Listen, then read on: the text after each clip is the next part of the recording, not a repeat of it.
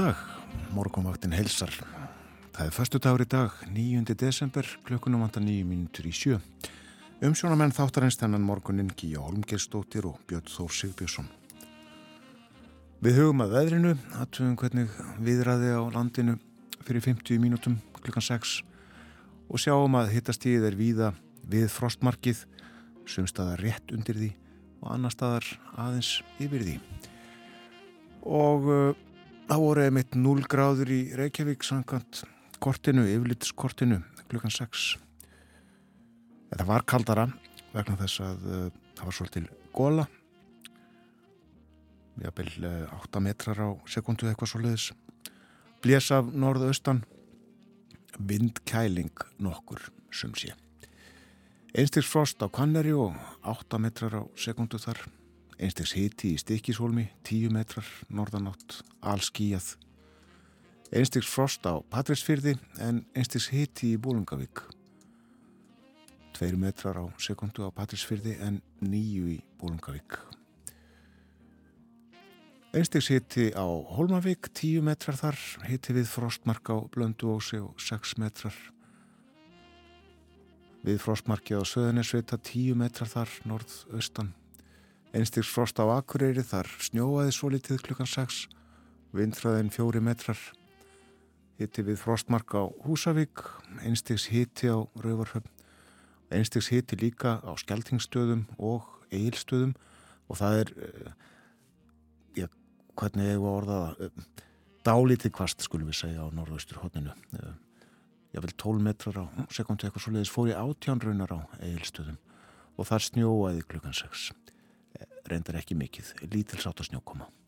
Og það er kvast líka á söð uh, vest á, á uh, já, söð söðausturhorninu, afsakið því er nýlega vaknaður, söðausturhorninu 18 metrar á sekundu á höfni Hortnafyrði og 15 á Kvískerjum, tveggjastega hiti á báðanstöðum hiti við frostmark á Kirkjubæðaklaustri 11 metrar þar.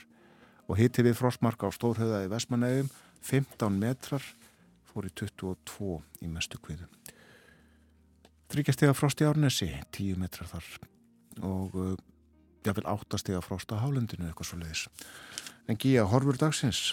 Já, horfur dagsins eru svo hljóðandi. Það er norrleg átt, 8-15 metrar á sekundu, kvassast með austurströndinni. Jél á norður og austurlandi, en annars létt skíða mestu. Lægir smá saman senkt í kvöld og dregur þá úr jæljum og norð-austlæg átt eða breytileg átt 3-8 og víða létt skíðað á morgun en norð-vestan 5-10 austast og stöku jöl. Frost 0 til 10 steg mildast við ströndina. Og veður horfurnar, uh, já svona inn í helgina, það verður áfram svipað hitasteg en vind lægir um all land og það er víða létt skíð en samt eru já, áfram líkur á stjöku jæljum á Östurlandi. Einmitt það. Látið ekki blekkjast af hitatölunum á mælunum, það er aðeins kaldara heldur en uh, talan sjálf segir til um. Það gerist það, það er þannig þegar það blæsa norðan. Það er ímislegt að dagskra hjá okkur á morgunvaktinni í dag. Förum ítalega yfir dagskrána eftir fréttinnar klukkan 7 en nefnum að við ætlum meðal annars að tala um nokkra helstu sögustæði landsins. Kristján Sigurjónsson, rittstjóri túristaverðu með okkur og svo ætlum við að veltaði fyrir okkur hvernig við mælum velsælt í samfélaginu, hagsældina, stöðu samfélagsins, hvernig við gerum það já og uh, hvernig við ættum að gera það. Það er aðeins það á eftir. En svo þetta tónlist og uh, fyrsta lag þáttanist þennan morgunin syngur Nat King Cole.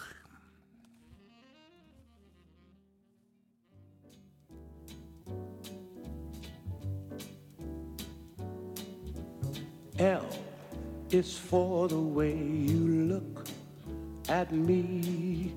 O is for the only one I see. V is very, very extraordinary. E is even more than anyone that you adore can love is all that I can give to you. Love is more than just a game for two. Two in love can make it. Take my heart and please don't break it. Love was made for me and you.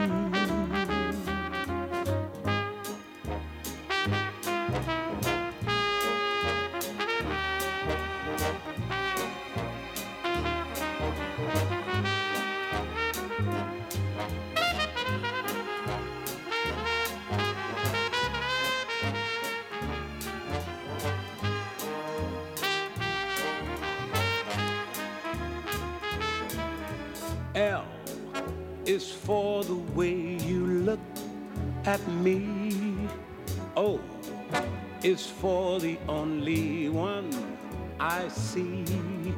V is very, very extraordinary. E is even more than anyone that you adore can love.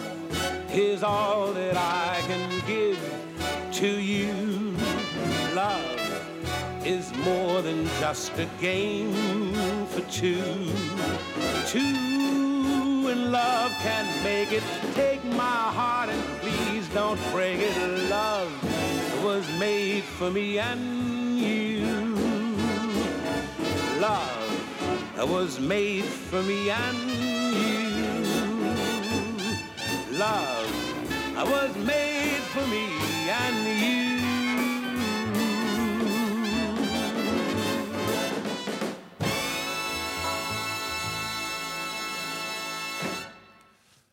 King Cole söngum Ástina vinsælt umfjöldunarefni í daglugum aldeilis. Klukknum vantar tvær mínútur í sjö, við fáum fréttir frá fréttastóðu klukkan sjö, heyrum fyrst auglýsingar og förum svo ítalega yfir darskráð þáttarins að fréttunum loknum.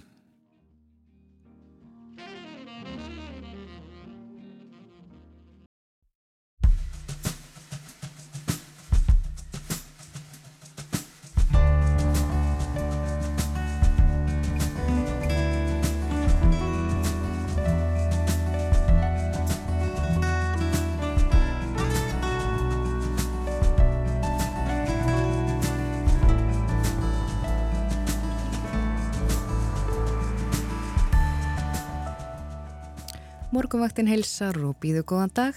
Í dag er förstu dagurinn 9. desember. Hagvókstur er eitt likil hugtaka í umfjöllunum efnagasmál.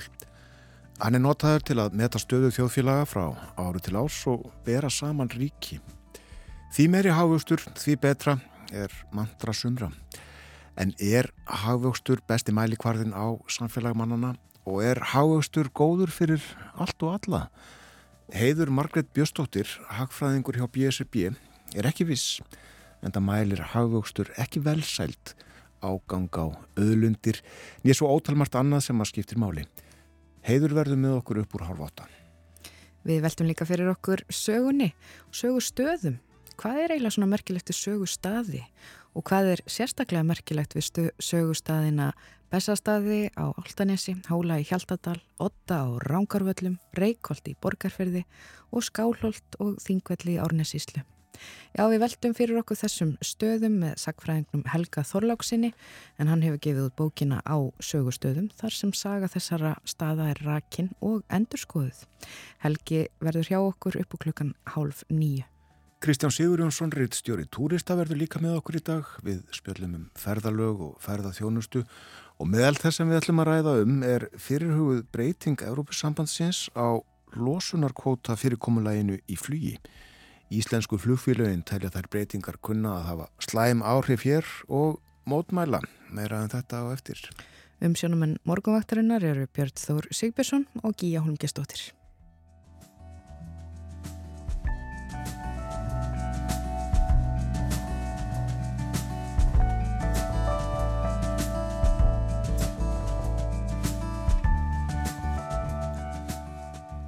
Það verður bjart víða um landið í dag. Við sjáum það á spákortinu að sólinn mun skína glatt. En eh, það verður líklega kallt, jáfnveil mjög kallt, eins og gerist þegar uh, vindræðin er kannski 15 metrar á sekundu eitthvað soliðis og uh, áttin norðurlæg. En spáinn annars um, gerir ráð fyrir jæljum á norður og austurlandi. Það lægi svo smám saman sent í dag og hættir að snjóa. Og frostið í dag 0 til 10 stig, það verður mildast við ströndina. Og kannski við lítum á horfurnar fyrir helgina. Eh, á morgun lögadag og sunnudag þá verður hæg norrlægið að breytilega átt. Kvassara þó austast, vindræðin þar kannski 13 metrar á sekundu eitthvað svo leiðis.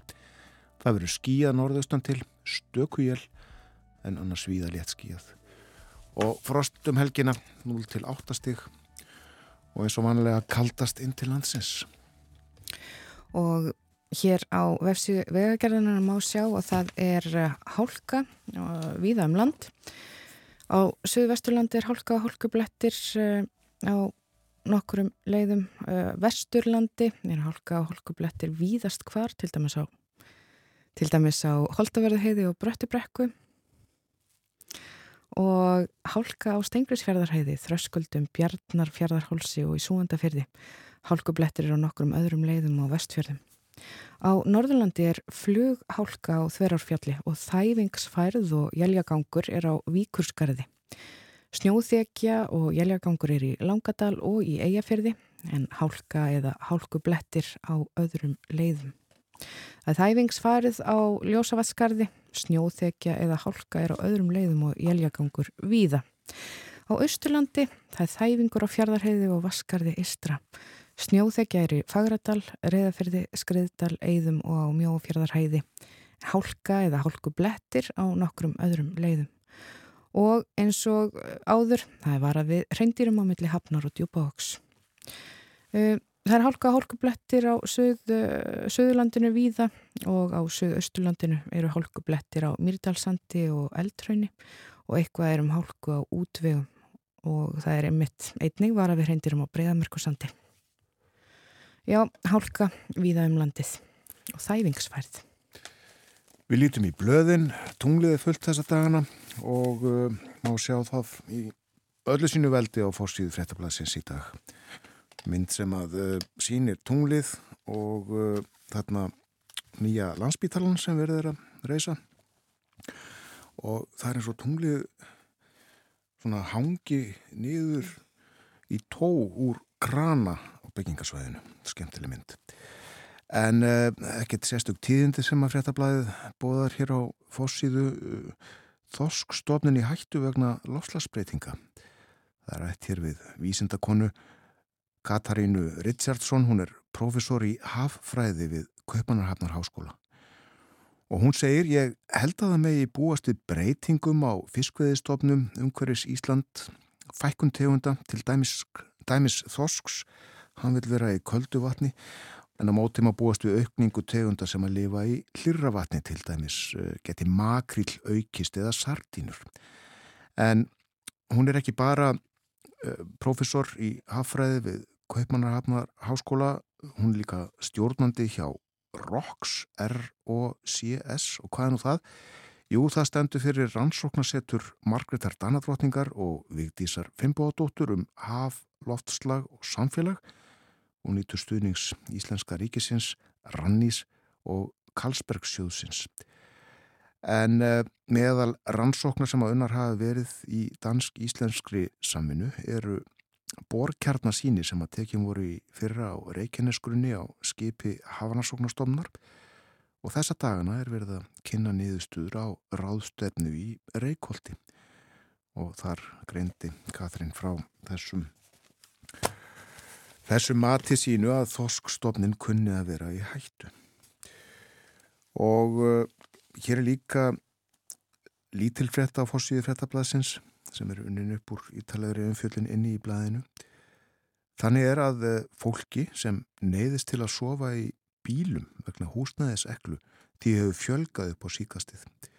Og það er Vilborg Ottsdóttir félagsræðgjafi hjá hjálpastarfi kirkjuna sem að segja frá þessu. Hún segir, ég hef hitt fólk sem segist velja að gista í hjólísi en það vill enginn gista í bílnum sínum. Fátækir og húsnæðislausir leita í vaksandi mæli í hlíu og dægin gerðnan í opimbyrju húsnæði á bókasöfn inn í sundlugar, vestlanir eða slíka staði. Og vaksandi örvendingar meðar fólks á leikumarkaði vegna hækkana að sögn Vilborgar. Og það er einni rætt við Vilborgu á fórsýðu morgumblaðsins og fulltrú af fleiri hjálpasamtaka þörf fyrir mataraðstöður gríðar mikil og það er mikill fjöldi komin til landsins en þarf aðstóð. Frá 1. mars til 1. september gáðu við 7000 matakjafir, þetta segir áskerður Jónar Flósadóttir, hún er formaður fjölskyldu hjálpar í Íslands og hún telur gríðar mikla þörf fyrir mataraðstóð fyrir þessi jól, mun meiri enn í fyrra. Og eh, eins og áður saði líka rætt við Vilborg Óttsdóttur hjá hjálparstarfi kirkjunar Á höfuborgarsvæðinu einblínu við á barnafjölskyldur og fólk sem á börn við vísum einstaklingum til maðuristist nefnda og fjölskyldu hjálparinnar, segir hún. Og uh, einmitt rætt líka við önnu Pétursdóttur forman maðuristist nefnda Reykjavíkur. Hún segir okkur finnst vera fjölgun frá því fyrir að úkrænu fólkið hefur bæst við. En uh, hjá uh, maðuristist nefnd fengu um 1500 heimili jólaðastóði fyrir að og talið að þau verði hátt í 2000 fyrir komandi jól. Og ég talið að fjallaði um þetta í morgunblæðinu í dag, þörfina fyrir mataraðstóð. Og uh, fleira á fórsíðu morgunblæðsins er mynd sem að tekjum var í hörpunni í gerð. En uh, þar uh, verða Evrósku kvikmyndavelin aðfend annað kvöld og um 700 gestir frá 43 löndum hafa bóð, bóðað komu sína. Aug þess munu segir hér 100 bladamenn koma og ekki námið það heldur líka 10 áhrifavaldar. 1800 gistinætur eru bókaðar í tengslu við þennan viðburð sem fylgst er með um alla alfuna. Já, þetta er á morgun og þessu verður sjómarpað. Útsending hefst eh, fljótlega upp úr klukkan 7 og vegna þess að þá verða fréttir annað kvöld klukkan hálsu og þetta er þryggja tíma dasgraf held ég og uh, kynnar verða Elmur Kristjánsdóttir og hugleikur Dagsson við sáum rættaðins við þau og fleira fólk sem kemur að þessu í kastljósinu ekki er aðeins hérna innan úr morgunblæðinu greip auguminn hér áhugaður fyrirsögn, undir fyrirsögn reyndar. Hún er svona góð fjárhagstaða hjá Reykjanesbæ. Og þetta er uh, nú aldeilis annað en heist hefur frá mörgum sveitafélögum sem eru í miklu manda og það er rætt hér við Kjartam á Kjartansson bæjastjóra. Hann segir staðan er miklu betri en við heldum á nýrði að vísu var útlitið ágætt eftir 6 mánuða uppgjur en ennþá betra eftir 9 mánuða uppgjur. Og uh, Já, staðan er betri en í mörgum öðrum stórum bæjarfélugum og kjartan telur að aðalskýringin sé svo að atvinnleysi hafi minga mikið og mikil atvinna í bóði nú. Þar leikur ferðarþjónustan og keflaðugur flugöldur stort hlutverk. Og hann segir, ef keflaðugur flugöldur væri eitt vinnustadur, sem hann er ekki, er hann besti vinnur okkar þegar vel gengur en óvinnur okkar þegar samtráttur er eins og var í heimsfaraldrinu. Og uh, önnur fréttir innan úr morgunblæðinu. Fisksalar get ekki lengur fengið saltsíldarflög til að selja áfram til viðskiptavinna sem vilja sjálfur útbúa sína sílda á aðvendunni eða mjólin. Allir síldarverkendur eru hættir slíkri sölu og leggja áherslu á söldun eða fristingu fyrir erlendamarkaði. Og Ágúst Tómasson, fisksali í Trönurhraunni nýju í Hafnafyrði, Hann segir skýta get ekki fengið þessa vöru lengur. Hann segir að ennsíu margir í viðskýtavinni sem vilji útbúa sinn kryllug sjálfur og handira síldina eftir eigin hefðum og nefni fólk frá Pólandi í því sambandi. Það borði síld á jólunum. Þetta var úr íslensku blöðunum. Við skulum þá líta út í heim En eh, það kom auðvitað fram í fréttum nú áðan að kostningar eru búinar í færum og þar er jafnaðar flokkurinn með pálmann í höndunum og stjórnin fallin. Við rættum þetta einmitt í gær hér í eh, heimsklukan. En uh, á fórsíðum breskra miðla þar er já, svona eilítið minnst á verkvöllin og hvað afleðingar lög gegn verkvöllunum gætu haft og það segir hérna á forsiðu æ að þau getið mitt eftir verri áhrif. En það er svo sem ekki tala mikið um verkfællin í breskum miðlunum. Það eru Harry og Meghan sem eru hvað helst áberandi í breskum fréttum í dag og, og það voru það líka í gær. Heimildamindin þeirra var frumsýnd á Netflix í gær og það er veitt svona persónlega einsýn inn í þeirra líf og það má sjá hérna á forsýðu Guardian, það er mynd af þeim hjónum, persónlega mynd svona tekið vantarlega úr einhverju fríi, hún er tekin af þeim sjálfum, þetta er svona sjálfa og uh, það er líka, uh, það er svona dómur um, um, um þannig uh, eh, þessa heimildamind, myndinni eru gefnar þrjár stjörnur af fimm og það stendur undir nýtt æði en áfram sama sagan.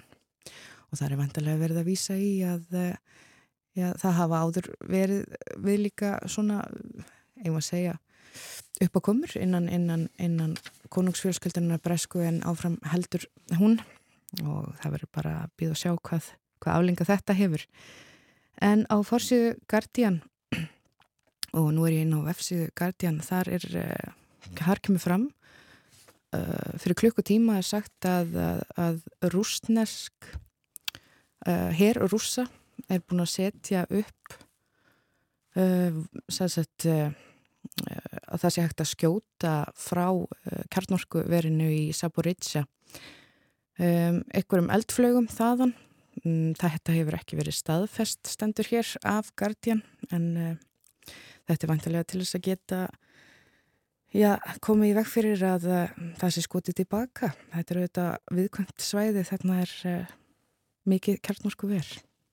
En á fórsíðu Guardian er líka fjallaði um mótmálinn í Íran. Það er sagt frá því að hvern kynns mótmálandur séu skotnar í andlit og kinnfæri og þetta kom einnig líka fram í sjóansrættum rúf í gær og þar kom líka fram að fyrsti mótmálandin hefur verið dæmtið til dauða og fleiri dauðadómar býða. En við skulum líta vestur um haf, þar er fókusin á fangaskiptin sem fóru fram í gær og ef litið er hérna á forsiðu New York Times á vefsíðu þess miðils og múið sjá myndband af fangaskiptunum þegar körfu knallegsleikmaðurinn Brittany Greiner um, var leist úr haldi rúsa og, og, og, og rússar tóku faðmandi þarna á móti vopnasalanum. Sem betur er þekktur sem kaupmaður döðans en þetta má myndbanda þessum skiptum á eins og ég segi sjá á, á vefsíðu New York Times við lítum aðeins hérna til danska blasin Informasjón. Það er fjallað um áallun ESB um eiturrefni eh, sem átt að koma náttúrunni til bjargar eh, en sagt, plan, um, plan um það. En nú vilja mörg lönd leggja þetta plan til liðar, sulti den eins og stendur hérna, sulta það, geima og gleima kannski. En fyrir tveimur árum þá samþýtti ESB stefnu sína um lífræðilega fjölbrytileika með það meðal annars að markmið að minga neyslu varnar efna eða eiturefna um helming fyrir árið 2030 en nú stendur um þetta yfir ráðstefna um lífræðilegum fjölbreytileika í Montreal í Kanada. COP15 kallast svo ráðstefna þannig að það er settu fókus á það málefni þar. Svo er hérna á svenska dagblæðið það er mynd af snjóframleðslu á skíðasvæði e, nálagt Stokkólmi og það er sett í samhengi við hvað uh, snjóframleðsla er virkilega dýr og, og, og ja, útheimtir mikið ramagt sem að ennú bara skortur á. Þannig að skíðasvæðin er í vandraði í Skandinavíu. Já, já. Komum þá heim og förum 40 ára aftur í tíma. Það eru 40 ár síðan að kveikmyndun um ET var sínt hér á Íslandi. Og um það að fjallaði blöðunum saði í morgunblæðinu Game Álfurinn frumsýnd í lögur á spíói. Kveikmyndin verður frumsýnd samtímis í Reykjavík, London og Paris. Hún hefur ekki ennverið frumsýnd á hinum Norðurlöndunum vegna þess að þar hafa ekki nást samningar við dreifingafyrirtækið Universal í bandreikunum sem heimtar háar prósendur af síningum á myndinni. En lögur á spíói tókst að gera hagstaða samninga og þetta var nú aldrei stórmynd á sín tíma uh, mikil spenna fyrir henni eins og lesamáttu um í morgumblæðinu þannig um sumarið 1982 uh, þegar hún var sínd í bandaríkjunu það var sagt, næstum hálfu ári á áður en hún var tekinn til síninga í Európu en uh, í frett uh, í morgumblæðinu sagði það er mándagsmorgun og léttur úði úr lofti á Manhattan en um það byrj 300 manns standaði í byðröð fyrir utan kvimdahús. Frekar óunleg sjón á þessum tímadags en um þessa myndir er hún að endur taka sig um öll bandaríkinn. Myndin sem fólkið er að býða eftir að hefjist heitir E.T. Utanjarðarbúin eftir Steven Spielberg. Myndin fjallar um einmanna tíu ára dreng sem finnur og tekur að sér álíka einmanna utanjarðarbúa sem orðið hefur eftir af gameskipi. Og uh, svo sagði það er uppselt á E.T. þrjá daga fram í tíman og þau kveimdahús sem tekið hafa E.T. til síninga sína hana áttasinnum á dag, auka síningar fyrir hátegi og eftir miðnætti. Myndin kostaði 10,3 miljónir dala í framleiðslu en fyrstu helgina sem hún var sínt þá seldust aðgöngumiðar fyrir 12 miljónir dala og það virist ekkert láta á aðsókninni. Og D.A.V. fjallaðu auðvitað um E.T. Hann er lítill en hálslangur og andlitið á honum er í læginu eins og gamall sjónvarpskjár. Hann vafrar um á flötum fótum og skinnið á honum er eins og gamalt bókfell. Handleggirnir eru líkir mjóum bambustöngum og á korri hendi eru einungis fjórir fingur í stað fimm. Hann er óheimju fingra fimmur og getur kveikt ljós í einum fingurgóminum. Þegar ljósi kviknar er fingurinn orðin að töfrastaf sem nota má til lækninga. Augun í honum eru eins og í froski en þau tjá tilfinningar betur en augu í nokkrum hundi. Förðulegri aðalpersona hefur ekki sérst í kvikmynd ef undan er skilin fílamaðurinn í The Elephant Man. Þrátt fyrir útlitið er E.T. einhver indalasta persona kvikmyndasögunar. Já, stórmynd E.T. á sínum tíma, Steven Spielberg framleiti, John Williams gerði tónlistina. Við ætlum að hlusta á nokkra tóna úr E.T.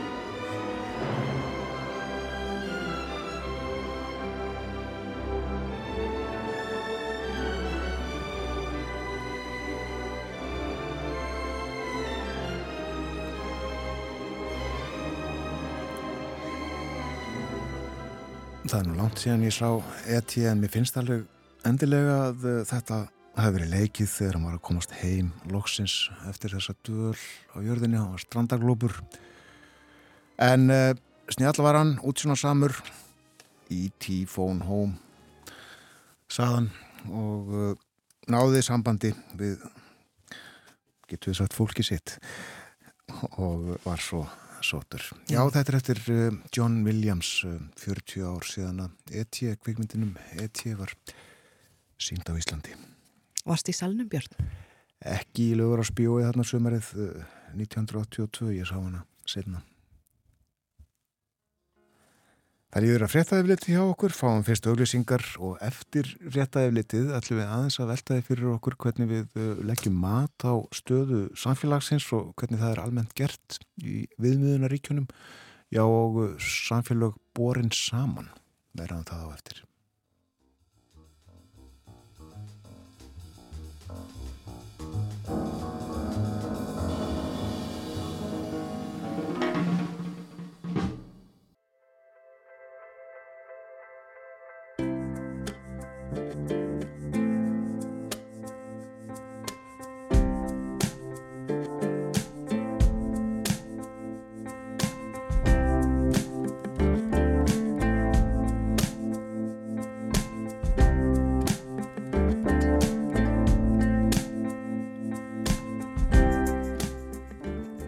Aftur þér að hlusta á morgunvaktina á rás 1 klukkan réttliðilega halv átta. Það er förstu dagur í dag komin 9. desember. Helgi framöndan Knaspinu áhuga menn kætast. Eftir tekjadaga hlje þá verður leikið á ný á hensmestramótun í fótbolta. Það fyrir fram í Katar og tveir leikir á dagskrá í dag. Klukkan þrjú mætast Kroatia og Brasilia og klukkan sjö Holland og Argentina og aftur leikið á morgun.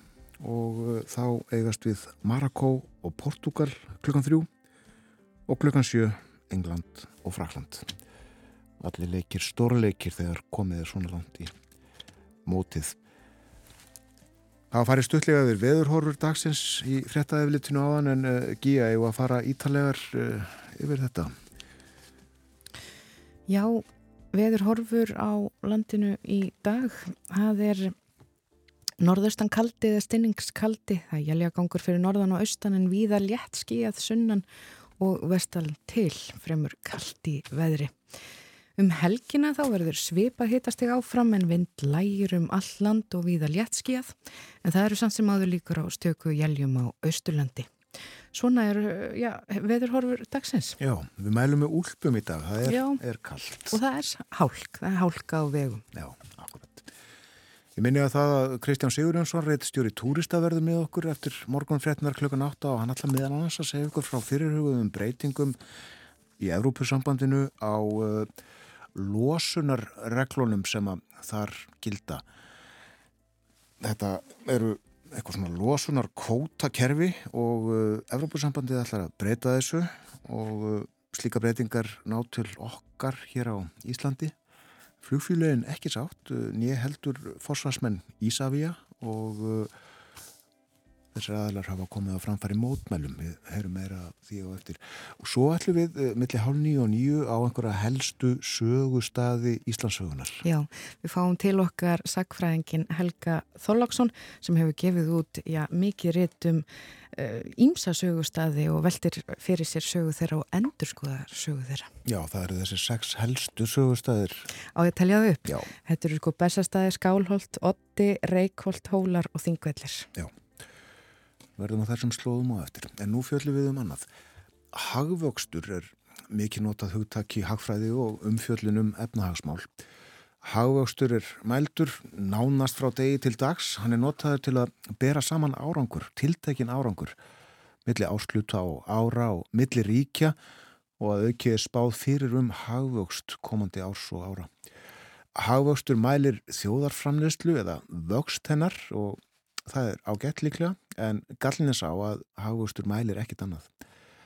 Í nýjútkomnu tímariti stjættafélagsins Samekis er grein eftir heiði Margreti Björstóttur, hagfræðingi á BSB, sem ber yfirskriftina Velsæld fyrir alla. Og í greinni bendir heiður á hver útbreytur og alltum líkjandi hagvöxturinn er í efnahagstjórn og samanburði og tiltekur ímislegt sem að ekki er síður mikilvægt að leggja rætt við og mæla til að varpa ljósi á stöðu samfélags og bera sama með unnur. Og heiður komin til okkur á morgunvöldina. Góðan dag og velkomin. Ja, góðan daginn. eftir því sem ég kemst næst þá uh, hafa hafvaksta mælingar verið stundar frá um það byrj miðri síðustu öll. Mm -hmm. Hvaðan er þetta fyrir bara komið eiginlega? Já, þetta er komið sérst, frá á upprýstunna reykja til bandaríkjana þarna á fjórða áratug síðustu aldar og þá var hagfræðingur að nafni Kúsnets fenginn til þess að þróa í rauninu þjóðhægsreikninga, hvernig við metum tekjur uh, þjóðar.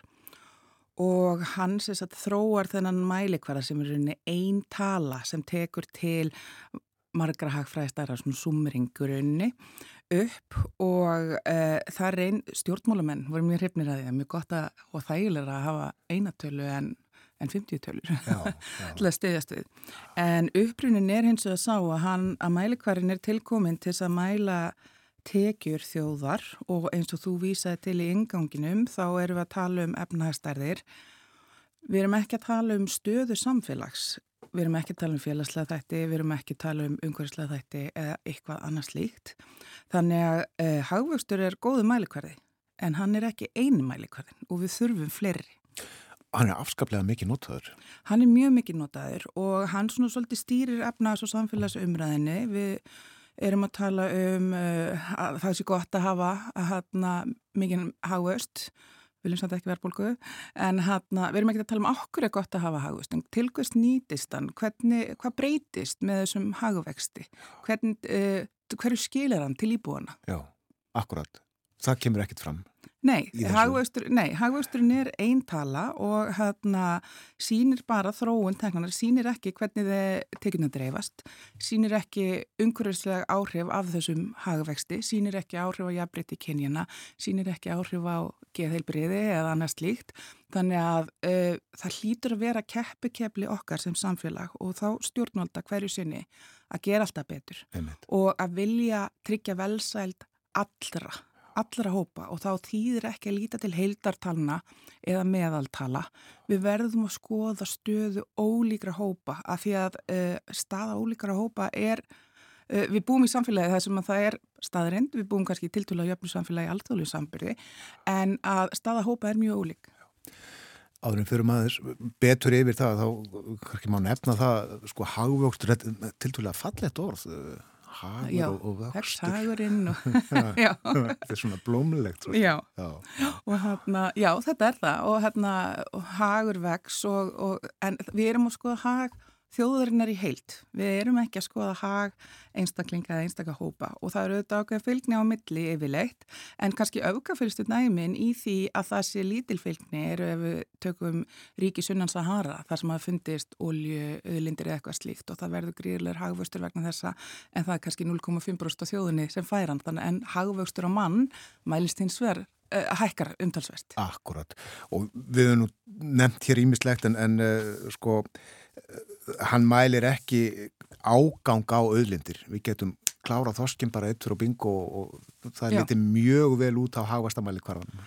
Já og það sem hann gerir líka, við erum alltaf að skoða svona punktstöðu, við erum að skoða stöðuna eins og hún er núna, við erum að líta kannski nokkur ár fram í tíman, staðistu áskarun okkar núna eru til dæmis umhverfismál og tökum til dæmi heilbrísmál, öldurnu þjóðarinnar en við erum alltaf að líta til hagvastar frá ári til ás og mestalagi 35 ár fram í tíman og að við ætlum að halda útgjöldum innan einhvers ramma hvern, þá erum við alltaf að, reyni, hvað hagsmunir erum við að þjóna, hvernig erum við að ná þessum langtíma markmiðum ef eins og núna við ætlum einbit okkur að, að borga niður skuldir og halda uh, hallaríkisjós innan einhvers, einhver ákveðna marka.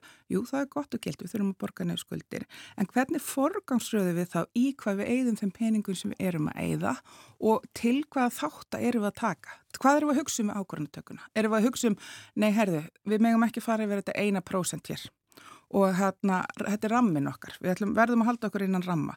Hvaða áhrif hefur það til lengri tíma að hunsa það að, að leysa þessi langtíma vandamál? Það verið gerða tilhörnum til þess að, að já, annarkort svona breyka þessa háasta mælingu, taka fleira þarna inn eða, eða búa til einhverja aðra mælikvarða? Það er til mjög mikið að mælikvarum og það má öruglega gera marga þeirra betri og það er sérstaklega þessi félagslega mælikvarðar, þeir eru ekki ja, tímanlegir, það er eins og peningamál kom út fjórusunum á ári, við hefum rosalega mikið hagtölum, það er mikið gert upp því að það séu, tölurnar séu nýjar, svo hægt að sé að taka ákvarðinir á þeim, hinar tölurnar koma síðar og eru stopilli. en hérna Uh, eins og til dæmis bara við tökum lífskjara rannsókn hagstofnar, við tökum stöðuna eins og hún er núna, uh, hún sýnir mjög mikilvægan mælikvarða sem er staða heimilana og hérna hvort þau síðan á endum saman. Uh, við eigum núna nýjasta mælingin frá 2021, nú komið desember 2022, verðbólgan fór á stað í upphæfið þessa ás. Við fáum nýjastu fyrir þetta ár kannski í mass á næsta ári. Þannig og nú er nú þarf að grýpa til aðgerða og við kannski hefum ekki alveg nægilega góða sína því hvernig eh, hóparnir, þá er það láttekju og, og millitekju hópar standa sig til þess að geta þá bröðist við. Já, já. Sko það sem að þú ert að segja hér er að uh, hávastartölunar þar segja ég ekki til um stuðu samfélagsins. Það, er ákveðin fylgni á milli hagvæstar og, og, hérna, og ef við lítum á hérna, okkur, berjum okkur saman kannski í fátakusturíkin, þá sannlega þá hefur það áhrif á hver efnaðsli staða okkar er. Það segir hins að það er ekkert til um hvernig uh, ákveðinir hópar standa sig. Það getur verið rosalega samþjöppun á, á peningunum og það segir ekki til um hvernig umhverfið er, það segir ekki til um hvernig andleg heilsa er og svo framvegs. Þannig að þetta sýnir stöðu hagakerfisins en það sýnir ekki svo vel stöðu samfélagsins. En hafa þessi þættir sem að þú nefnir kannski þá orðið uh, útutan með einhverjum hætti vegna þess að uh, þeir eru ekki jafn mælanlegir og samburðahæfir eins og hafusturinn? Ég held að við getum alveg gert betur að við myndum einblín á þá og, hérna, og nota þá og það tilfyllt að greiningum og það tilfyllt að mæleikurum. Það sem þarf er að þegar við erum að taka ákvarðarnir um forgangsröðun þá þarf að líta til fleiri þáttar heldur en fjárhagslegra þáttar. Það þarf að líta til, ok, ef við gerum þetta, hvaða áhrif hefur það og þessa hópa? Eru við að hugsa um uh, viðkomistu hópan okkar og hérna, hvernig viljum við forgangsröða fjármunum og hafa það leiðilega á sig alla ákvörðindöku og þetta þarf að vera á æðstasti þetta er ekki að, við útfæslinn þetta er að vera við forgangsröðun hvernig við ætlum að forgangsröða fjármunum og áherslum í okkar samfélagi. Og þetta finnst þér vanta? Mér finnst þetta vanta og ég veit að við getum gert betur en það þarf bara að setja þetta á dagskrá og þetta er, þetta er svona menningarbreiting, kulturbreyting og hún þarf að koma byrjarinn á toppnum og, og hérna segla svo nýður. Já, það er ekki þannig að þú bara skrifa greinar og við tölum um þetta hér og einhverju fleiri og þetta farir svona upp. Það þarf að taka um þetta ákvörðun á æðstu stöðum e, Til þess að þetta hafi e, tilallu áhrif þá þarf þetta, þá þarf samtalið að breytast. Og við sjáum líka bara til dæmis núna eru önnur umræða fjárlaga að fara í gegn, það, tala, það þarf allt talað um í pening, það tala um uh, 70 miljardar til uh, helbriðskerfisins, þetta er þetta hverju er þetta að skila okkur, hver er forgangsröðunin þarna, hver er forgangsröðunin fyrir, er eftir forgangsröðunin núna eins og staðin núna, ekki að vera að venda viðkomistu hópana Já Þar fyrir matarátt og gríða mikil segir á fórsíðu morgunblassins, eh, fleiri í húsnæðisvanda sofa nú í bílum segir á mm -hmm. fórsíðu frettablassins. Mm -hmm. Já, við erum með ímislegt og, og svo er náttúrulega, viljum við hafa mælikvarða sem að eru vandar og við getum fylst með og það sem að vanda líka þegar við erum að setja lög og uh, við erum að setja stefnur, það þarf að hafa stöðu, hver er staðan? Þetta fer af stað. Og er lagabreitingin og stefnubreitingin að stöðla þeirri breytingu sem að við viljum, sem að rauninni tilgangurinn var? Já. Velsælt fyrir alla er yfirskrift þessar greinar sem ég vísaði í tímariti Samikis Þú hefur skoðað ofnbjörn skjöl og uh, þér finnst þetta orð velsælt ekki koma nægilega oft fyrir eða ekki á réttu stöðunum allavega. Nei og ég teka þessum dæmi er að þarna Ríkistjórnir setti sér sex velsaldar áherslur í gerð fjármála áallunar. Fjármála áallun er sérst áallun til næstu, stefnumótunar skjál Ríkistjórnarna til næstu fimm ára og það er þetta tengt svona inn í texta. Svo koma fjárlögin og þá erum við að líta til hvað er farið á að gera næsta ári. Þar er henni hverfur svolítið tengingin. Svo koma fjárökulög sem voru 70 miljardar þar sem við erum góð, við erum að bæta inn í staðan góð, kemur hverki fyrir. Þannig að það segir manni að þetta er svona inn í texta og, og þetta er þarna einhver staðar en þetta er þegar við erum að taka ákvörðunar um forgangsröðunina þá vantar þetta Já. svo tilfinnanlega inn. En er þetta þá bara skraut?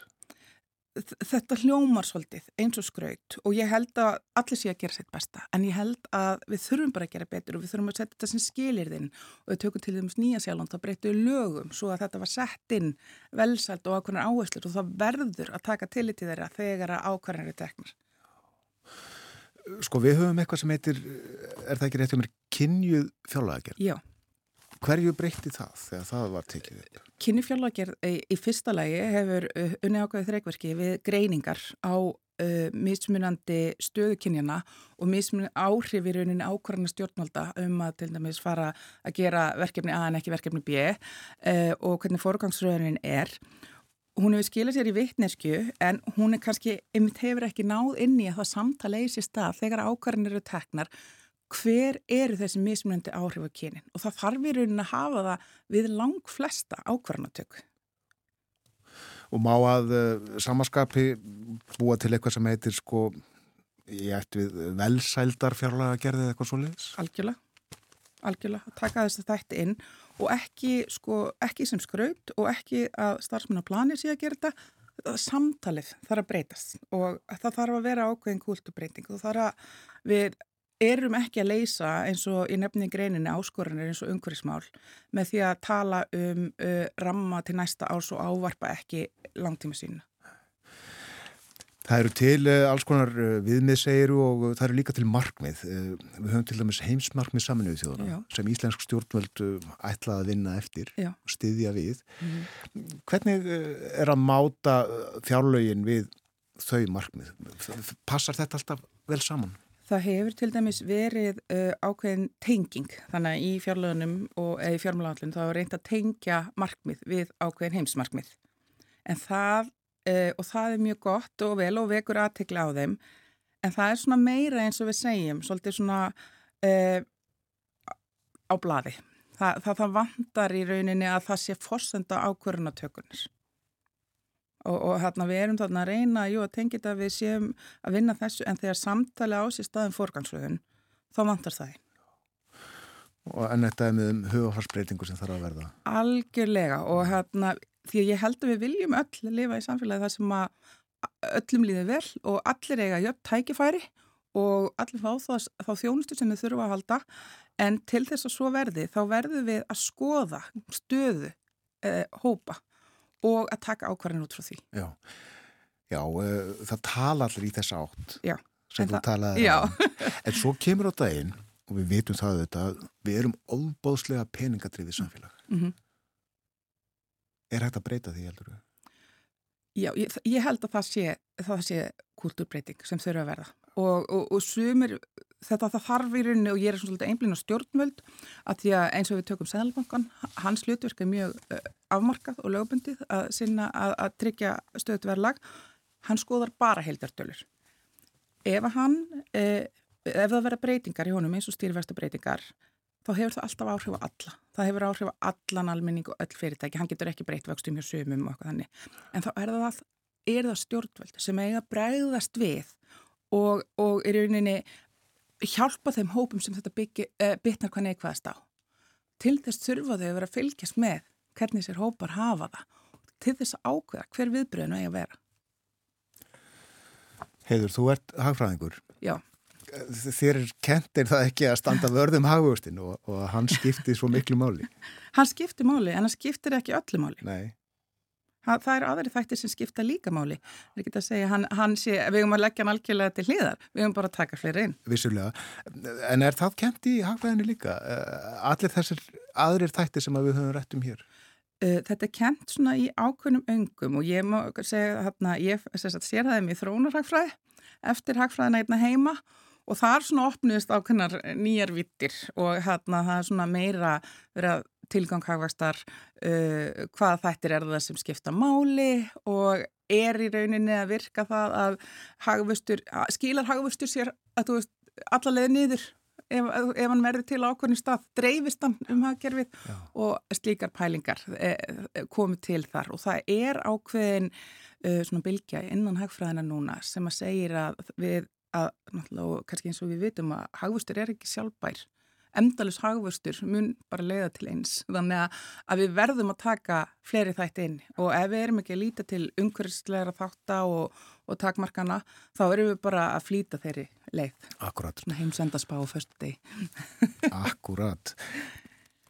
Lákar að nefna það hérna í lokin að, að þú þekkir til í, í fjarlægum heimslutum þar sem að, að, að mitt kannski hagvöxturinn byrtist með öðrum hætti heldur en hér. Já.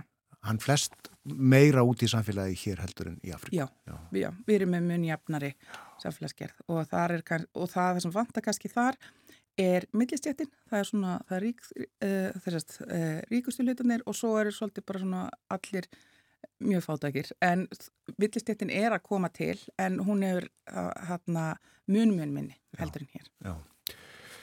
Já, hafustur uh, ágetur til síns brúks. Algjörlega, en við þurfum meira til. Kæra þakki fyrir að koma til okkar á morgumvaktina. Takk fyrir mig. Hagvöstur hér til umfjöldunar, kostir og gallar. Það eru bæði kostir og gallar á hagvösti. Nota hagvöst sem mæli hvarð á sæfylug. Heiður Margret Björnstóttir, hagfræðingur hjá BSB, var hér hjá okkur uh, og uh, við kattegli á þessari grein sem að hún skrifar í Samiki, uh, tímaritt Samikis, sem að kom út í gæriða fyrir dag og er bara stútfullt af áhugaverðu efni.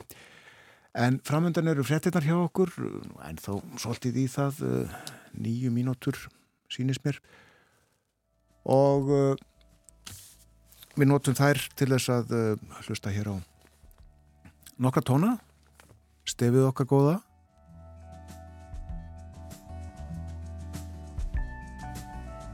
Og miðna aftur á fótboltan sem við nefndum áðan, svona fyrir fólk sem var að vakna, já...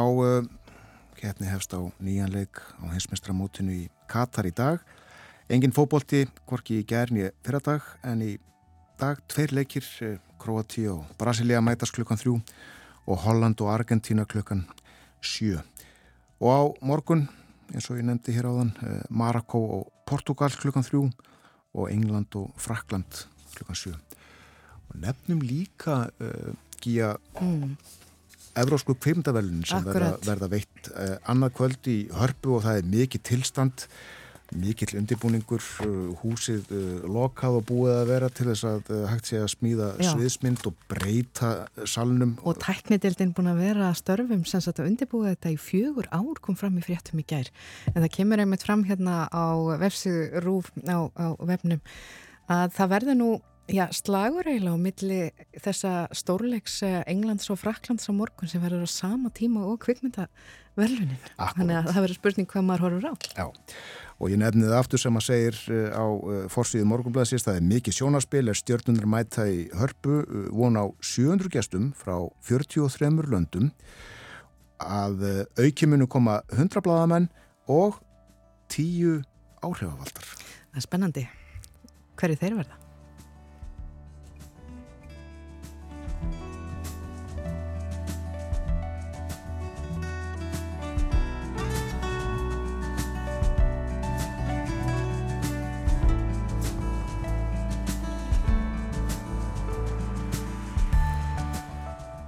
Eftir fréttinnar verður Kristján Sigurjónsson reitt stjóri túrista með okkur. Uh, við ætlum að tala um uh, losunarkótareglur og fyrirkomlag Európusambansins sem að tilstendur að breyta og íslenskum flugreikendum líst ítla á.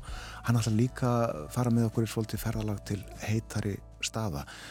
Og talandu um ferðalag, við fyrir líka í ferðalag milli hálf nýju og nýju, flökkum þá á milli sex -hmm. helstu sögustada landsins. Já, það verður svona ferðalag innanlands. Við skulum flakka þá á milli Bessastada, Skálholts, Otta, uh, Reykholts, Hóla og Þingvalla og þetta verður í fylg með sakfræðingnum Helga Þorlókssonar.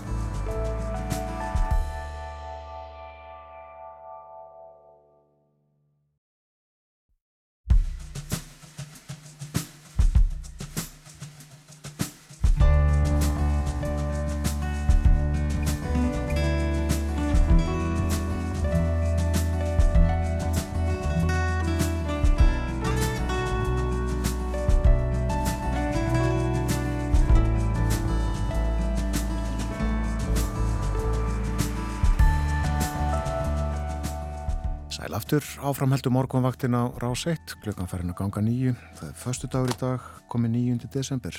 Umsjónamenn þáttarins Gíja Holmgjelsdóttir og Björn Þór Sigbjörnsson. Það er klukkustund eftir að morgunvaktin í þennan morgunin. Hér áðan var heiður Margret Björnsdóttir hjá okkur. Hún er hagfræðingur hjá BSB, bandalegi stafsmannaríkis og bæja. Við vorum að tala um hagvöxt, eh, kosti og galla. Það er að segja, eh, kosti og galla hagvasta sem mæli hvarða á samfélög hagvöxtur út af fyrir sig auðvitað.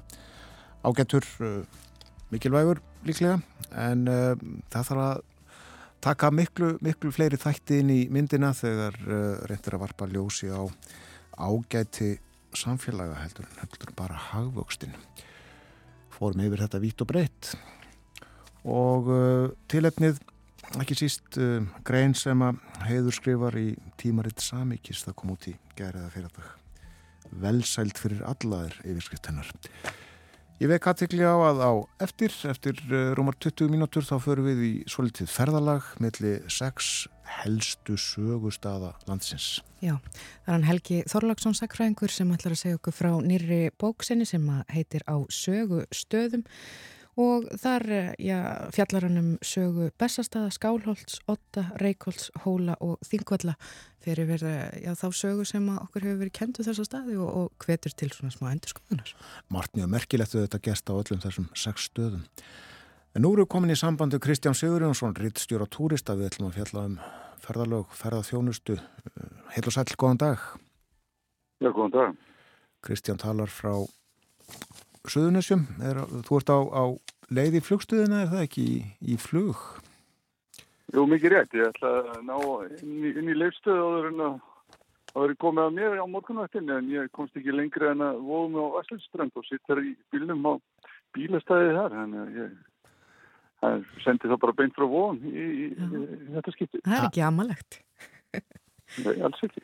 Við ætlum að tala um ímislegt í dag. Eh, þú ætlar að byrja að segja okkur frá fyrirhugum breytingum á losunarkvótakerfi Európa-sambassins og þarna er verið Já. að tala um, um losun í þetta.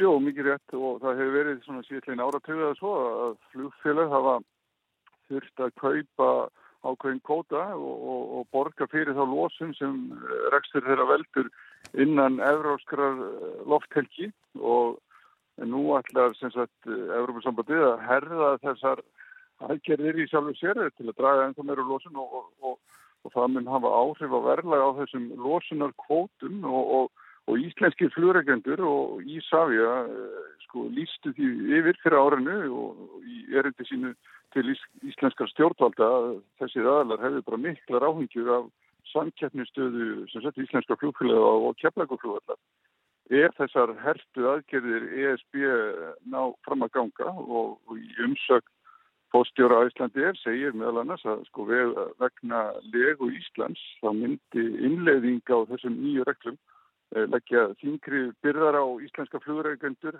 umfram aðra í, innan Evrópu.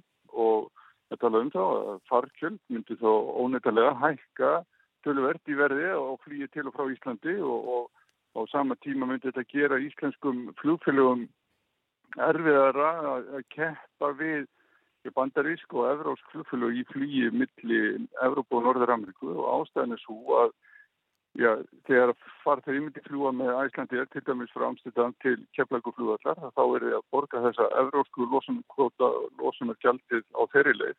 En svo þegar far þeir heldur áfram frá Keflaguflúðallir til bandaríkjana þá eru engir en er enginn svona gjaldtækka og þá mun KLM til dæmis þegar það flýgur farþegarnir sínum frá Amsterdam til bandarækjana ekki borga neitt kvota á leiðinni sem myndi fara beint út úr evróskri lofthelgi.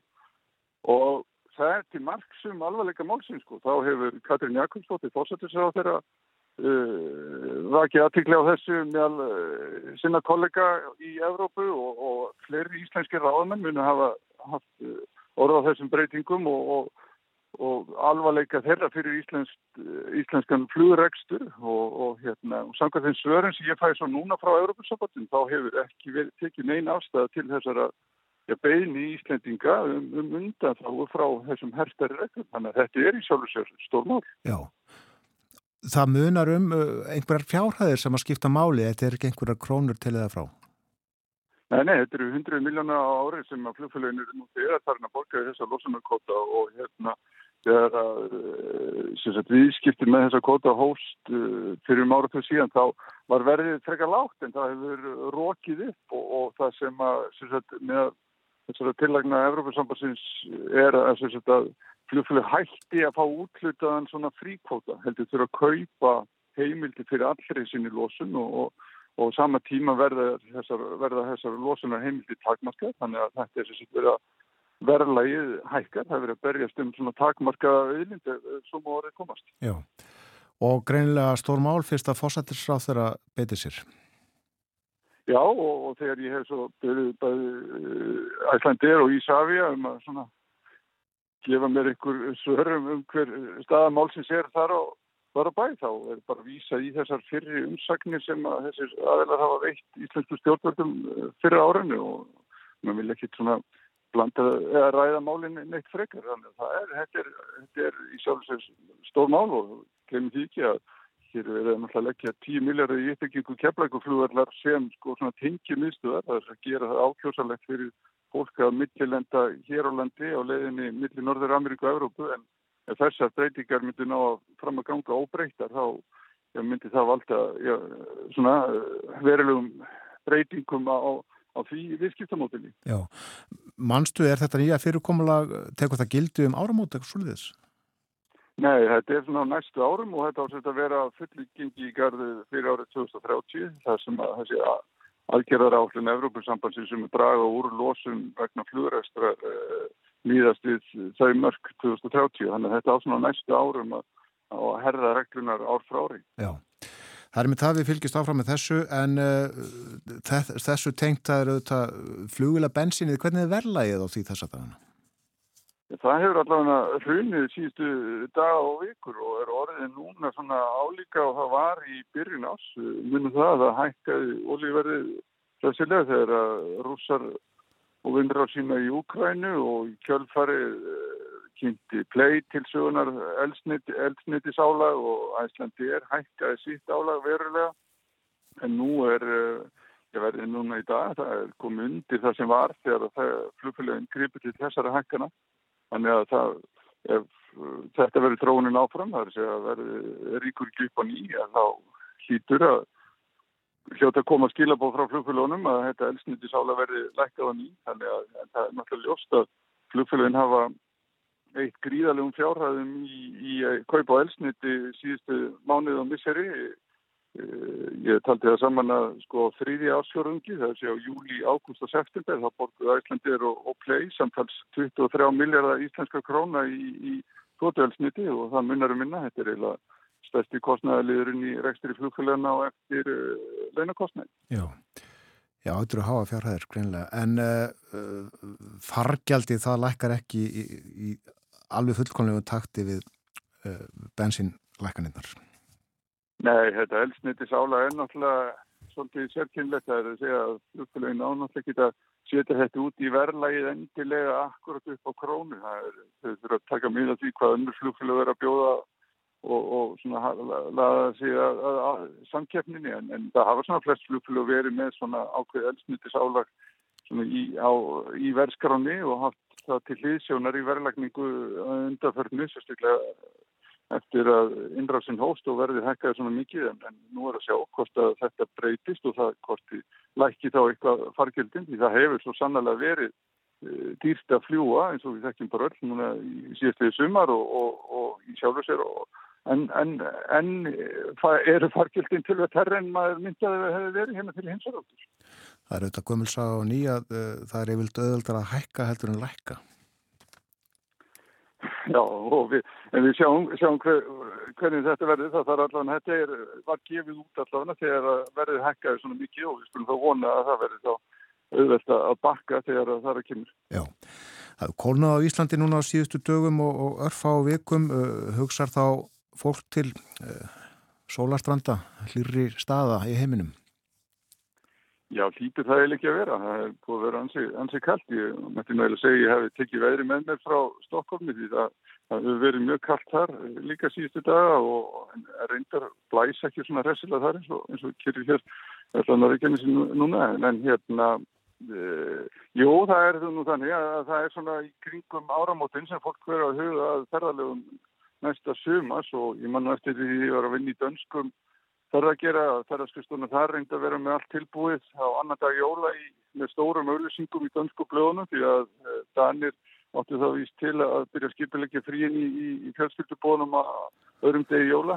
Íslendingar og íslenska ferðarskristur hafa mikið alveg verið svona snemm í því, þetta er svona Við erum svona í miðjan janúar og í lokþess mána sem að það líka svona alminlega fyrir hvert til dæmis ferðarskristofunar ætla að hérna, senda sína farþega og hvort það verið búið upp á ferði til Mallorca og, Krítar og þess að þar. En nú sínist mér nú þessar áallanir verið að taka á sig nokkuð goða mynd og þetta er svona hefðbundið frambóð nema það verður um, fleiri flugfjölu að velja til dæmis að þú ætlar að fljúa til Barcelona og það verður áfram tíðaferði til Tenerife og, og Alicante en, en, en það er líka áframferði til Mallorca og Krítar og, og frambóða að flýja til Ítalíu en þá miklu meira en við uh, sáum hérna áránu fyrir heimsaraldur hvað að Það stefnir ekki að verið flóið til Napoli á næsta sumar en það verður hægt að flóið til fjölda margra annara staða á, á Ítalíu. Þannig að þetta er mikið frambóð þannig að þeir sem eru svona,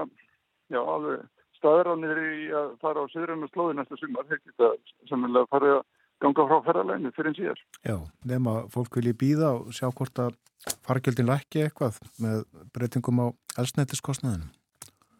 Já, það er svona en, en, og svo er þetta, það eru náttúrulega maður heyrir að það er bæði hér á Íslandi og, og í Evrópu þá eru hótel eigendur, bjassinir á, á komandi vertíð og, og reikna með að það verður hægt að selja herbyggin eh, nokkuð hátt þannig að það er sennilega þannig ennþá að hótelverður er frekar hátt en svo er að sjá hvort að, að þetta, þessar spár hótelstjórna gangi eftir eða ekki og ef það gerir eða ekki þá munum mun verða gistinguleika sennilega þegar það svona líður að, að sumavertíðinni. Já, rétt aðeins að ferðalögum hingað uh, og landkynningu. Uh, Ísland verður á sjómaskjám í öllum Európuríkjum annað kvöld þegar Eurósku kveikmyndaverlunin verða veitt við uh, mikla aðtöfni í hörpunni. Allt svona er gott er það ekki fyrir íslenska ferðarþjónustu? Jú, ég held að það er gott að alltaf að, að minna á landið og, og, og hérna við höfum náttúrulega í varandi menninguna þá hefur náttúrulega Ísland sem áfokastöður já, hvað ekki nú sagt eh, notið góðs að því hvað við erum framalega stundu framalega í ámörgum sviðum eh, í menningarlífinu til dæmis í tónlistu bara við horfum til Bjarkar og Sigurósar og íslenskura kveikmynda þetta hefur náttúrulega gert að verkum að ferðarþjónustan er á margan hátt jafn öllu atvinnugrein og hún er. Þannig að þetta er hérna, ekkert nema þetta kostur að þeir sem fylgjast með þessum verðlönnum og eru áhuga samrýðum þau að þetta er örgulega uh, eh, talari hópur sem hefur áhuga á að ferðast yngar til lands. Kæra þakki fyrir spjalli í dag Kristján Sigurjónsson, góða ferð heim. Takk fyrir. Kristján Sigurjónsson talaði þarna úr bíl bílastæði í Vógum Vassleisuströnd en já, uh, ég staldra enn og aftur við þetta sem kemur fram á fórsvíðu morgublasins í tegnslu við eh, kveimdavelun Evrósku á morgun koma hinga til hans hundra bladamenn og tíu áhrifavaldar. Já, áhrifavaldarnir eru já, þeir sem breyða út uh, boðskapin í þessum nútíma heimi. Vissulega. En við ætlum nú að halda okkur á þessum svona ferðanótum allavega í tónlistinni.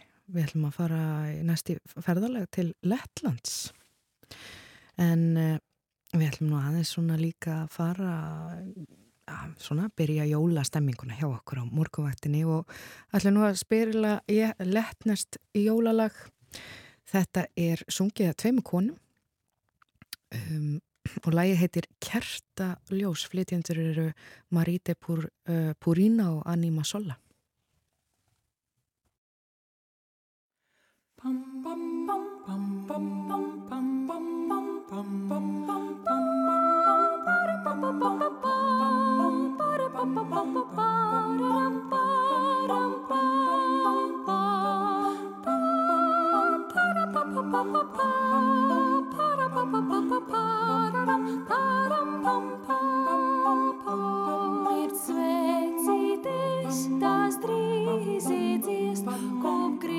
Kristus mažīgi tvaigi un krāpī siltas, krāpī siltas, krāpī siltas. Gesang des Jahres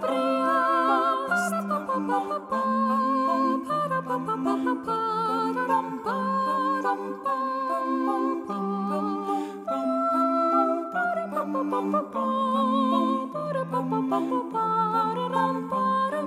bum kā prieka zvaigznes logos mirst, nāk atmiņā pēdējais laiki. Un klasīga vile, klasīga vile, klasīga vile, klasīga vile. bum bum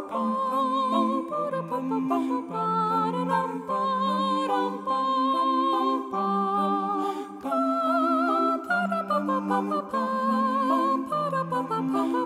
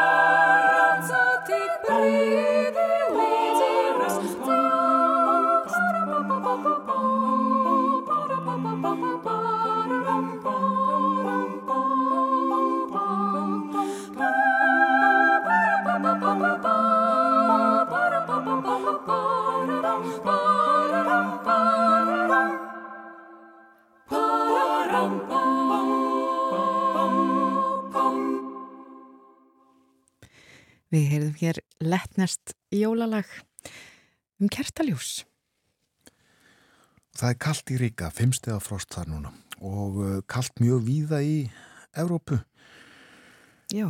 Nefnum hér nokkra staði hitti við frostmark í París, það er einstigs frost í Berlin og uh, einstigs frost líka í Brussel, sjöstega frost í Óslo, fimmstega frost í Stokkólmi, fjórastega frost í Helsingi en þetta á ekki við um alla álfuna. Það er nefnilega 17 steg að hitti í Rómaborg.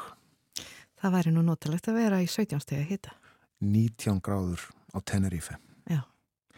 Og uh, en hlýra auðvitað í Katar, uh, 26 steg að hitti þar síns mér. Það er spilað á heimsmeistramótinu í fótbolta í dag. Það líður að frettæfliti hjá okkur, fáum fyrst auglýsingar. Eftir frettæflitið verður Helgi Þorláksson sakfræðingur með okkur. Hann hefur skrifað bókina á sögustöðum. Þar sem hann fjallar um uh, sex tiltekna sögustadi, einhverja þá helstu í Íslands sögunni og uh, hann segir ekki bara söguna eins og hún hefur verið sögð núna í ára 20 og ár 100. Nei, hann... Endur skoðar hana. Já, hann vil að við ræðum um þessa sögu sem er nokkuð fast, svona fast mótið hjá okkur, hann vil að við ræðum hennar og, og, og já, endur skoðum hana. Helgi Þorlóksson hér á morgumvaktinu eftir smá stund.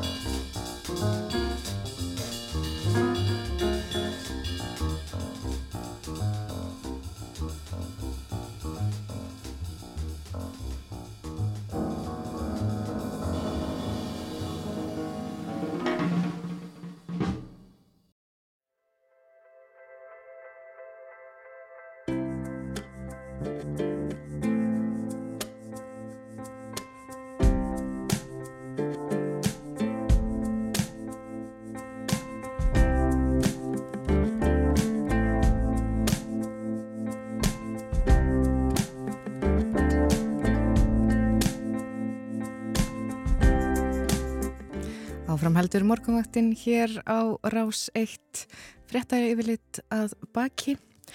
Og já, við erum búin að vera svolítið á faraldsfæti í þættunum rættum hér áðan við Kristján Sigur Jónsson mm, er í túrista sem var á þeim skemmtilega stað bílastæði við Vóga og Vasslesuströnd hann sagði okkur svona frá, ferðamálum ekki nú þaðan en, en svona vitt og breytt um heiminn.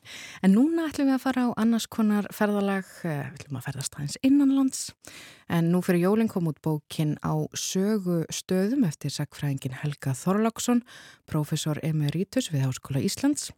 Helgi hefur áður gefið út fjöldagreina og bóka um sagfræðileg efni, fyrst og fremst um sögu Íslands fyrir 1700.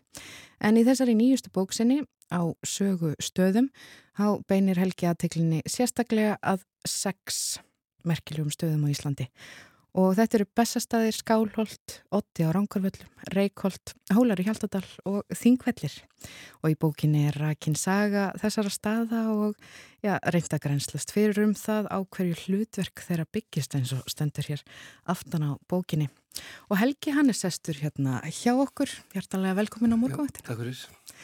Uh, Þetta er mikið rít sem ég held hérna á. Bókin er allt í allt 463 blaðsýður. Hvenar byrjaður að vinna þessari miklu bók? Já, sérstaklega kannski svona 2019 í svona undir áslokk þá og svo 2020 eitthvað svona þess. En þetta er afrækstur kannski af, af laungustarfi í sakræði yðkun.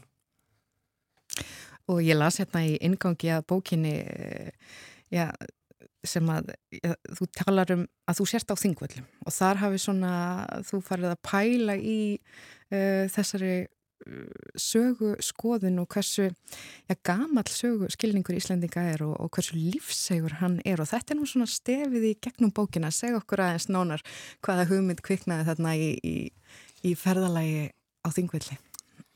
Já, það kveiknaði kannski ekki ný hugmyndi sjálfuð sér en bara ég fekk enn eina staðfestingun á því hvað þessi gamla sögurskoðun sem við kennum við sjálfstæðisbaratuna hvað hann er lífseg mm. og þannig að við skiljum alltaf sögurþingvalla út frá þessari gamlu sögurskoðun og um, þannig verður margt útundan í sögurþingvalla finnst mér sko þegar við bindum okkur bara við þessa gamlu sögurskoðun og þetta er þessi gullaldar hugmynd sem menn settu ottin á 19. öld að það hefði verið gullöld á svo gullum þjóðveldistíma sko fyrir 1262 og það helgaðist að því Íslandika voru þá sjálfstæðir og menn lögði upp mikið upp úr því á 19. öld að þetta frelsi sem að menn nutu fyrir 1262 hefði skipt svo miklu máli og það skýrði að það var svo mikil gullöld mm.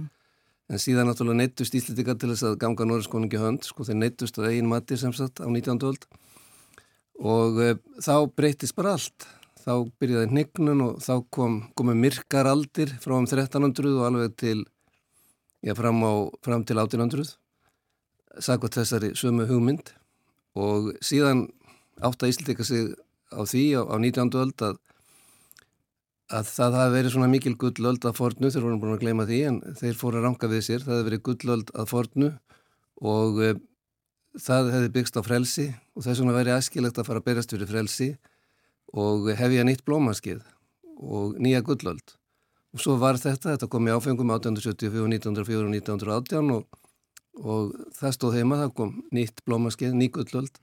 Þetta sannaðist allt saman þannig að fyrst að kom gullöld með frelsi þarna.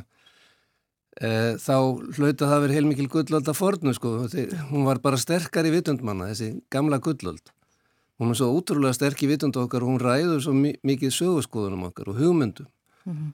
og e, þetta kannski þjónaði ákveðum tilgangi í frelsisbaróttunni þetta, þetta eru pólitískar hugmyndir frekar en fræðilegar það vantar oftur aukstuðningi, það er oftur ekki góðar heimildir fyrir þessari hugmynd um gullöld og svo myrkur. Og e, það var skrítið að sakfræðinga fór ekki að gaggrina þetta neitt að marki fyrir kannski á sjönda árat og síðustu aldar. Og þeim varst þetta sko bæði ígjur og skekkja söguna og það var ekkit æskilegt að segja söguna með þessum hætti, við ættum að endur skoða þetta allt saman. Þessi endur skoðum bara allar ekki að takast einhvern veginn. Menn er alveg fastir í þessum gömlu hugmyndum og ég er svo að rekja það svona því ég er að segja sögu einstakara staða hvernig þessar gömlu hugmyndir byrtast í skilningi okkar á stöðunum, sérstaklega. Akkurat, og áður en við förum svolítið að tala um þessa ja, endurskoðun uh, fyrst aðeins bara að þessum stöðum sem þú valdir, af Já. hverju þessi staður? Já, Já, sko, nú er spurning náttúrulega hvað er sögustæður og ég er eitthvað mm. að fjalla um það og, og síðan er það spurningin hvað er merkur sögustæður og ég er líka að fjalla um það og ég ákvað bara að þessir sex staðir væri merkir sögustæðir og það á sér náttúrulega rætur í því sko að við getum rækið sögur aftur til þjóðaldistímans og þeir skiptu svo miklu máli þess að í allir þessari umræðu mm. á 19. öld og á 20. öld um gullöldina og, og, og myrkrið og hnignun og niðurlægingu og það allt saman og Íslandingar nutu þess sko á upp 1830, 1850 að rifja upp sögu þessara staða af því að þeir eru verið glæsilegir á gullöldinni og þeir eru svona aflvæki og kvartning í sjálfstæðisbaratunni. Þetta var til hjá okkur áður, þingvellir með sínum glæsilega þingi, eh, skálholt, miðstöð Íslands, hólar glæsilegir, Otti glæsileg töðingjasetur, Reykjolt, þar var Snorri glæsileg töðingjasetur, þetta voru allt táknum þessa gullöld og þess vegna var gaman svona að rifja þetta upp og hugsa um þetta og fara á þessa staði. Íslendikar lærður reyndar af útlendingum að metta þessa staði sko. Um 1800 hafði Íslendikar engan áhuga þessum stöðum og þá var skálholt í niðurnýsli, það hefði verið biskustóllara og búið leggja niður, hólar í niðurnýsli, búið leggja biskustóli þar niður, engin áhuga á þingullum, búið að flytja í alþengi til Reykjavíkur og svo var það aflagt þar En útlendingar uppgötuðu forna menningu Íslendinga, þar að segja gullaldar menninguna og fengu áhuga Ísland og komið til Íslands og ferðust á þessa staði og, voru í otta því að þeir tendu saman otta og ettu og svona, það voru já, kannski ránkvömyndur um það og þeir voru í Reykjólda því snorraði verið þar og það var búið uppgötu á snorra og Íslendingar lærða útlendingum svona sem er litið að meta þessa staði, ég er að rekja það líka. Já, hann er kannski svolítið kaltaðinu slegt út og því að já, þú talar aðeins um það í bókinni að Erlend áhrif voru svona talin eitthvað neikvægt. Já, það er alveg rétt. Ehm, þannig að hérna Íslandingar náttúrulega gátt ekki komist hjá því að taka eftir því að útlendingarnir hafðu uppgötta þessa staði en þeir vildi þá skilja það með, þá með sínum skilningi auðvitað í staðin. En já, já, þessi ágæta hérna gamla sögurskoðun sem var svona pólitísk, hún byggðist mjög mikið á því sko að að rekja áreikstra á milli Íslendika og útlendika mm. að Íslendikar hefðu staðið sér sko létu ekki útlendika trafka á sér þannig að til dæmis hérna Jón Loftsson í Otta, hann var svona þjóðfrelsi setja sko sem stennst engan veginn. En hún var líst þannig og hann þorði að svara erkibiskup í Nóri erkibiskup í Nóri var þá sagt, fulltrúið ímyndins Erlenda Valds sem hafði óeðlilega afskipt af íslensku málum og Jón þurfti að svara því. Þetta er alveg öruglega sko rángtúlkun eins og sagt er frá þessu í gamle, þessari gamlu sögurskoðun. Forstendunar vantar alveg fyrir þessari túlkun að Jón sé einhvers konar frelsi seti og hafa verið andjúr erkibiskup í sjálfu sér. Og eins er það þegar sagt er frá í, í skálvaldi til dæmis. Það var laungum og er kannski sumleita enn lagt mikið upp úr því að Íslendingar tók af lífið þarna Erlendan biskup sem var mjög óskiluður hér Jón Gerjarsson, drektónum í Brúará.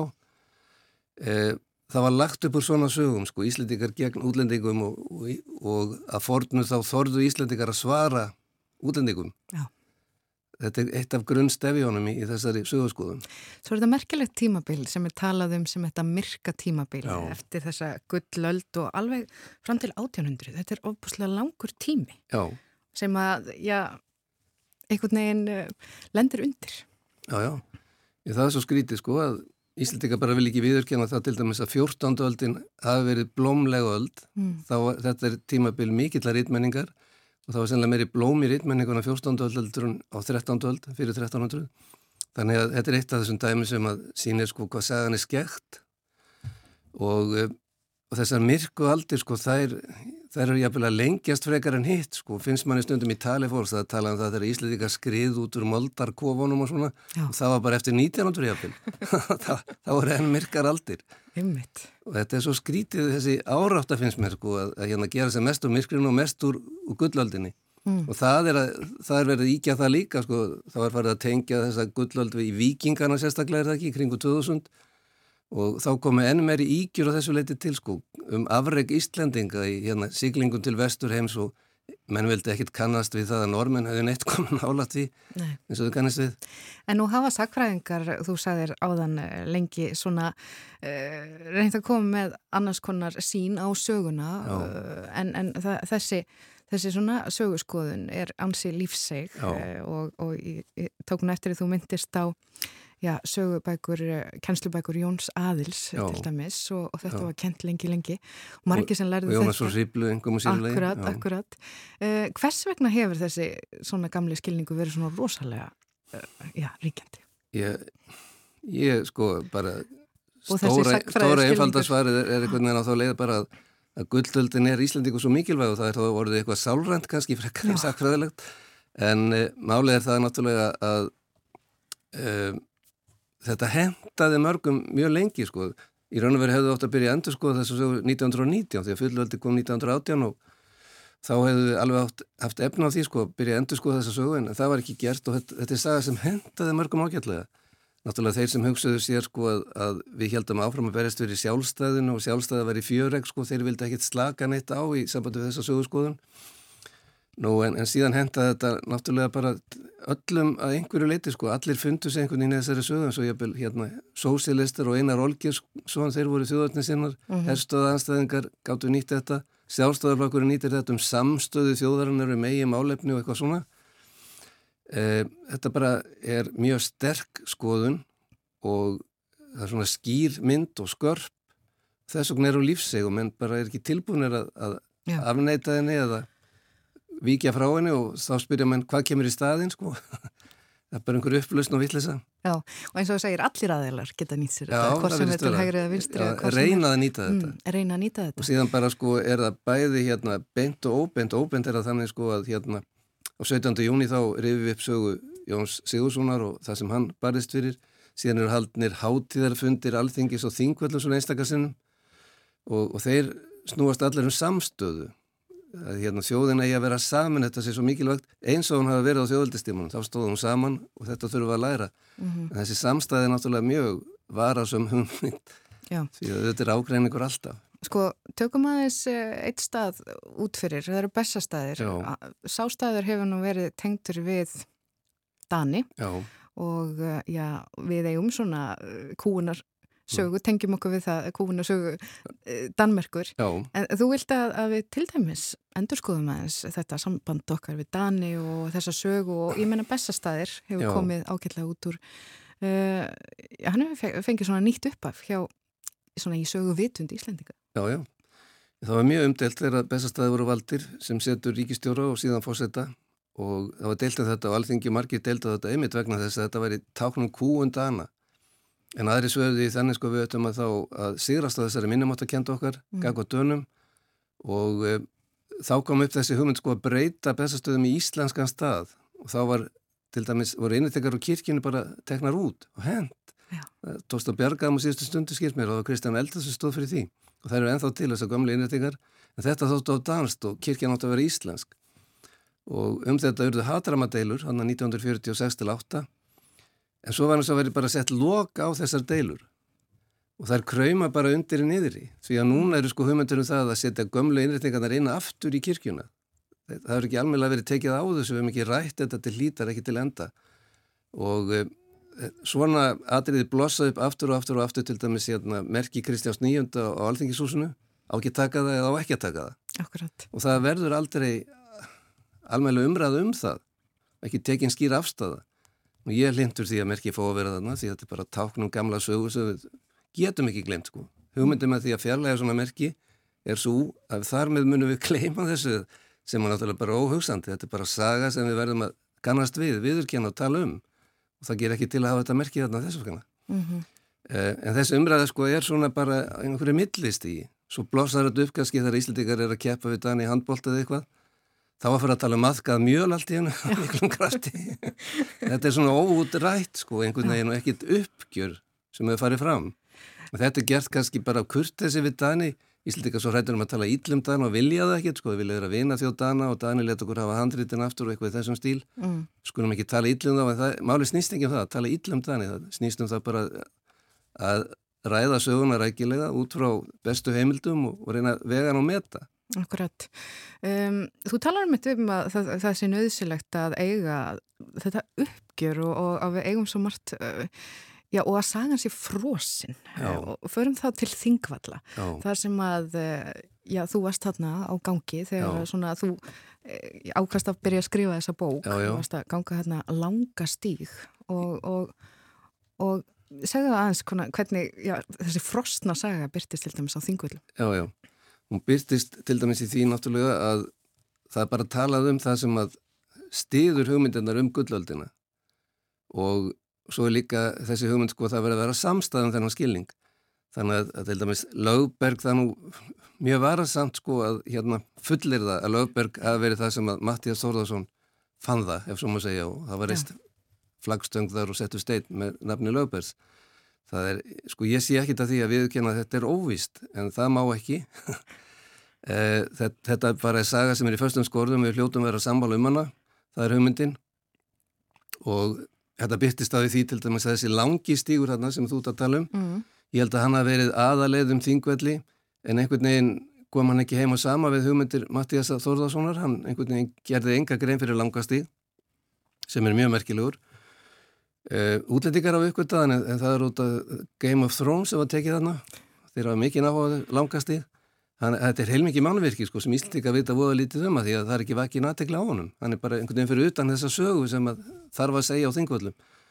Og en dæmi sem að ég staðnæmist aðalega við, sko, þau tengjast því til dæmis að katholska miðaldakirkjan, hún var talin óvinsamleg í þessari sögutúlkun mm -hmm. og uh, erkibiskup hennar og, og svo framvegis og erindrekar erkibiskups, þeir voru taldir skúrkar, sko, menn tala um hetir og skúrka í þessari sögum og það eru menn eins og Þorlagur Helgi í Skálvaldi og Guðmundur og Hólum, saga þeirra er vanrægt og dæmi um þetta kemur líka fram á Þingvallum hver var dýrlingur Þingvallakirkju? Ólafur Helgi í Nóri og hann átti Þingvallaland sækot gamlum hugmyndum. Landi var hans það kom ekki til greina sko Íslandika töluð um þetta að Þingvallir hefði verið helgaðir Ólafi Helga Nóriskoningi sem var Ólafi Digri sem hafði vist tölvaran áhuga á Íslandi sækot þessari sögutúlkun og það bara að, að, að varast hann og verjast honum.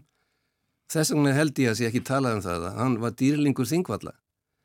En ég held að svo saga skipti miklu málu við erum að fara að kannast við hana. Já. en hún samræmist ekki þessari gömlu sögurskóla Og þú, já, þú minnist á það í bókinni að, að, að eins og þingvellir, það er mjög afmarka svæðir sem eru rauninni fjallaðum, þingvellir eru mun starra svæði, þarna eru margir vegið sem liggja úr öllum áttum og, og, og umferð þarna alveg eins og talar um á sem myrku tímum var mikil. Já, já, og það, ég er að benda á það að fólk náttúrulega fóru oft um þingvelli þó að það væri ekki þingtími. Mm. Þannig að lág leiði margra í, í verstöðunar hér og okkar svæði og svo framvegis. Og, og þá held ég að menn hafi einmitt farið þessa leið þarna, þeir fóru um það sem að skóarkóti er, sem er kannastir hver það er, þar lág aða leiðin og síðan upp í stekkjargjá um þennan langastíð, ágita langastíð. Og ég skýri til dæmis eitið alman ekki út frá þessu, þarna fór bara almenningur um, sko það er alltaf verið að tengja almannagjá við það að, að það verið svo mikið líðræðið eitthvað mm -hmm. mhm. þingvöldum og almenningur var þarna og eitthvað í þessum stíl en ég held að þetta sé svona sko almannagjá tengist þessu bara að vera almenn umferð þarna um þessa gjá og upp langastíð eh, og eh, svo tengi ég sko leiðir inn á, á þingvelli við Ólaf Helga því að menn fóru um hjá Eifinninga fóru Eifinningaleið, þeir fóru hjá Hlöðufelli og um hjá Skjaldbreið og, og þar voru Ólafsvellir og og þannig að Ólafur tók á mótumönnum sem komið þá leið.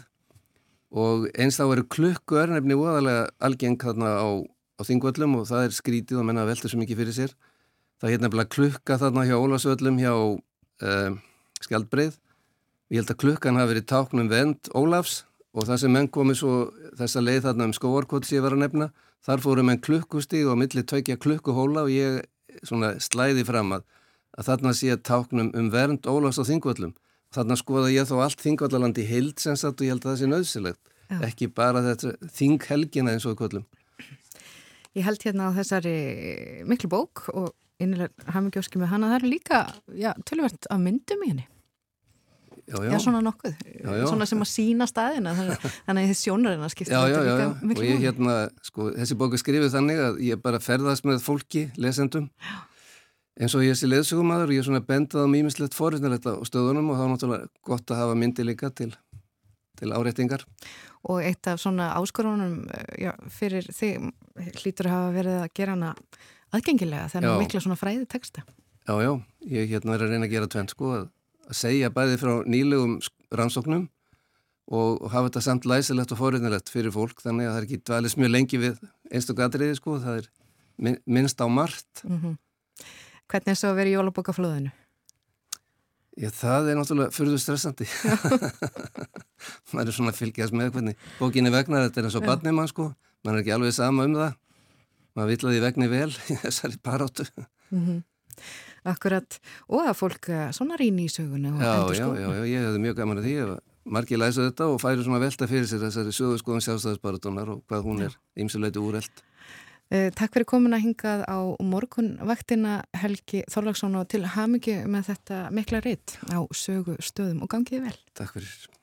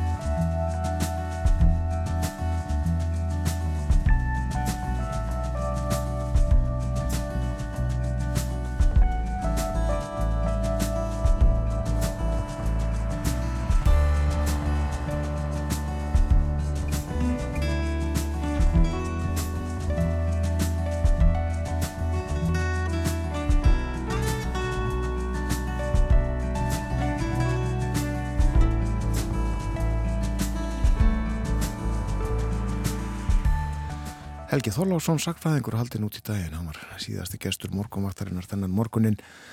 Við töluðum um sögustæðina 6 sem hann fjallar um í nýju bókinni sinni en ekki síður söguna og hvernig við höfum, ég hefur segjað, skiljiðana eða, eða litið á hana. Já, svona fristana eins og hann segir í bókinni. Og við rifjum alltaf upp matkaða mjölið eins og ég fótt alltaf leikjum við Dani og ég mislega þannig Akkurat. en það er eh, verðt alltaf að endur skoða söguna. Kristján Sigurjónsson reyndstjóri túrista líka með okkur. Og uh, hér snemma í morgun heiður Margrit Björstóttir hagfræðingur hjá BSB bandalagi starfsmannverkis og bæja. Við töluðum um hagvöxt, uh, hagvasta mælingar þar eru ágættar en uh, það þarf að mæla svo miklu, miklu, miklu fleira til þess að leggja mat á stöðu samfélagsins og bera Íslands samfélag saman við önnur. Já, margt fleira skiptir máli og meira máli jafnvel heldur en uh, bara vöxtur í þjóðarframleðslu. Já. En uh, já, það er helgi framundan og það þýðir að við hér á morgunvaktinni verðum ekki næstu tvo daga. Nei, en þátturinn á sínum stað á mándagsmorgunum, við bjóðum þá góðan dag þegar klökkunum var það tíu myndur í sjö þau kom samfélgina í dag og þessa vikuna vonið að þið njóti dagsins og helgrinnar. Og veriði sæl.